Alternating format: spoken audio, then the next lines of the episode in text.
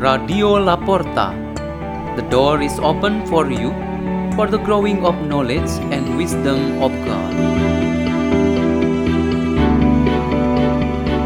Delivered by Calista Virginia Leo and Lucas Damianus Fernandez from St. Peter's School in Jakarta, Indonesia.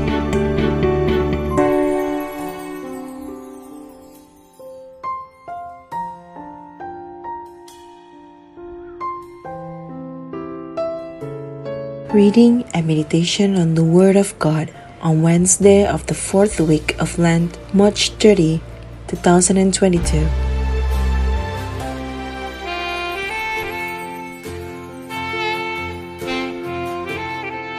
The reading is taken from the Holy Gospel according to John.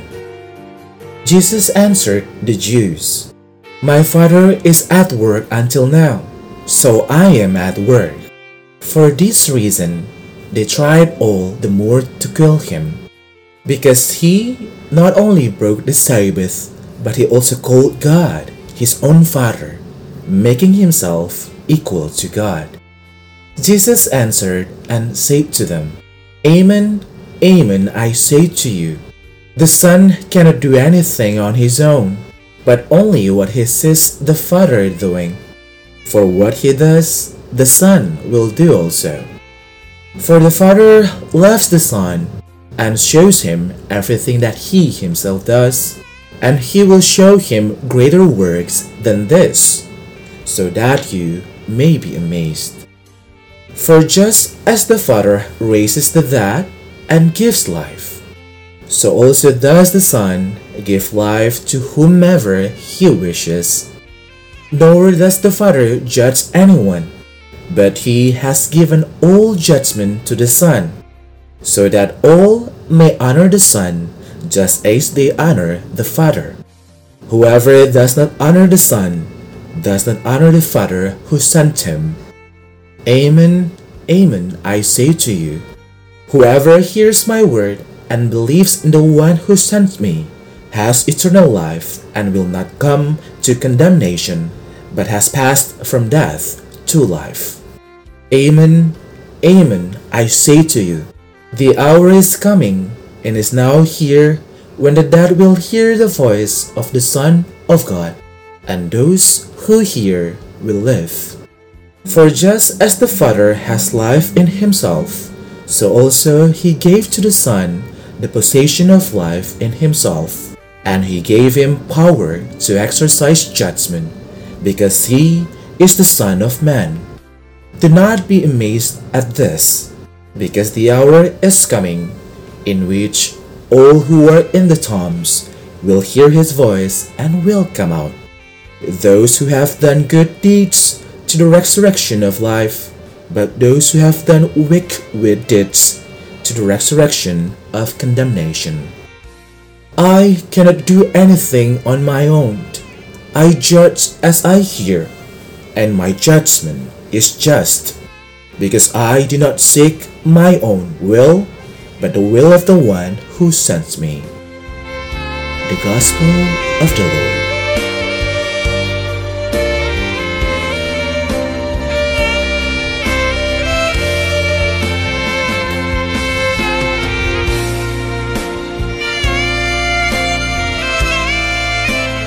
The theme for our meditation today is With My Own Father. Jesus defended himself against his enemies who accused him that he had blasphemed God because he identified himself with God. He firmly said that God is indeed his own Father. The point of his defense referred to the absolute truth about he who dwells forever with his own Father. Since Jesus is forever with us by the presence of His Spirit and we participate in His mission, we should always reconfirm our faith by saying this expression I am with my own Father, or we are with our own Father. We don't feel strange and afraid with the Father. The truth of this principle of faith really explains the nature of God namely the three persons in the relationship between the Father and Son and the unity with the Holy Spirit. The Pharisees and the scribes could not understand this unity as we do. Our perspective and understanding are different. The essence of the difference is in accepting and believing in Jesus Christ of Nazareth. We accept and believe in Jesus, and consequently, we have to believe also in the Trinity of God. On the other hand, those enemies of Jesus did not accept and did not believe in Jesus of Nazareth, so they also do not believe in the triune God. Believing with the Father and possessing in the divine power as the Father does, Jesus becomes so superior toward all other powers that are against God. We are included and adopted to have and to use that same power, and our Father who is in heaven will never let us be defeated by those enemies. The fruit of this adoption is the special gift of our dignity being the beloved children of God. The prophet Isaiah said about God's way to make us his beloved children in this expression I have kept you and given you as a covenant to the people to restore the land, and I will never forget you. As we possess this very particular gift and we live by it, the kingdom of God exists and works in the world. We, as the members of the one church, have been confirmed to be part of this kingdom. Therefore, we assume the important responsibility of renewing the face of the earth from time to time with the help of the Holy Spirit. Every time we pray to request the help of the Holy Spirit, our prayers always go in these words Come, Holy Spirit, fill and renew the face of this earth. The assistance of the Holy Spirit continues to keep us in our intimate connection with our Father, and we may face all the problems with the power of the Father. There was a third grade elementary school boy who has just started sleeping in his own room and no longer with his parents. He really wanted to sleep alone.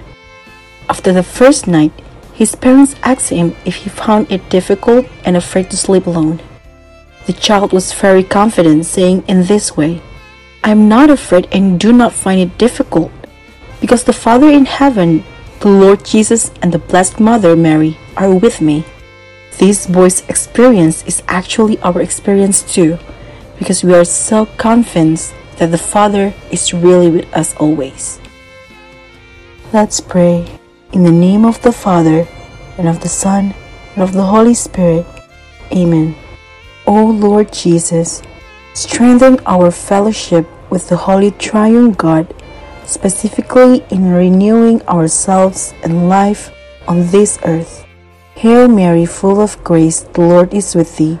Blessed art thou among women, and blessed is the fruit of thy womb, Jesus. Holy Mary, Mother of God, Pray for us sinners, now and at the hour of our death. Amen. Glory be to the Father, and to the Son, and to the Holy Spirit. Amen. In the name of the Father, and of the Son, and of the Holy Spirit. Radio La Porta. The door is open for you.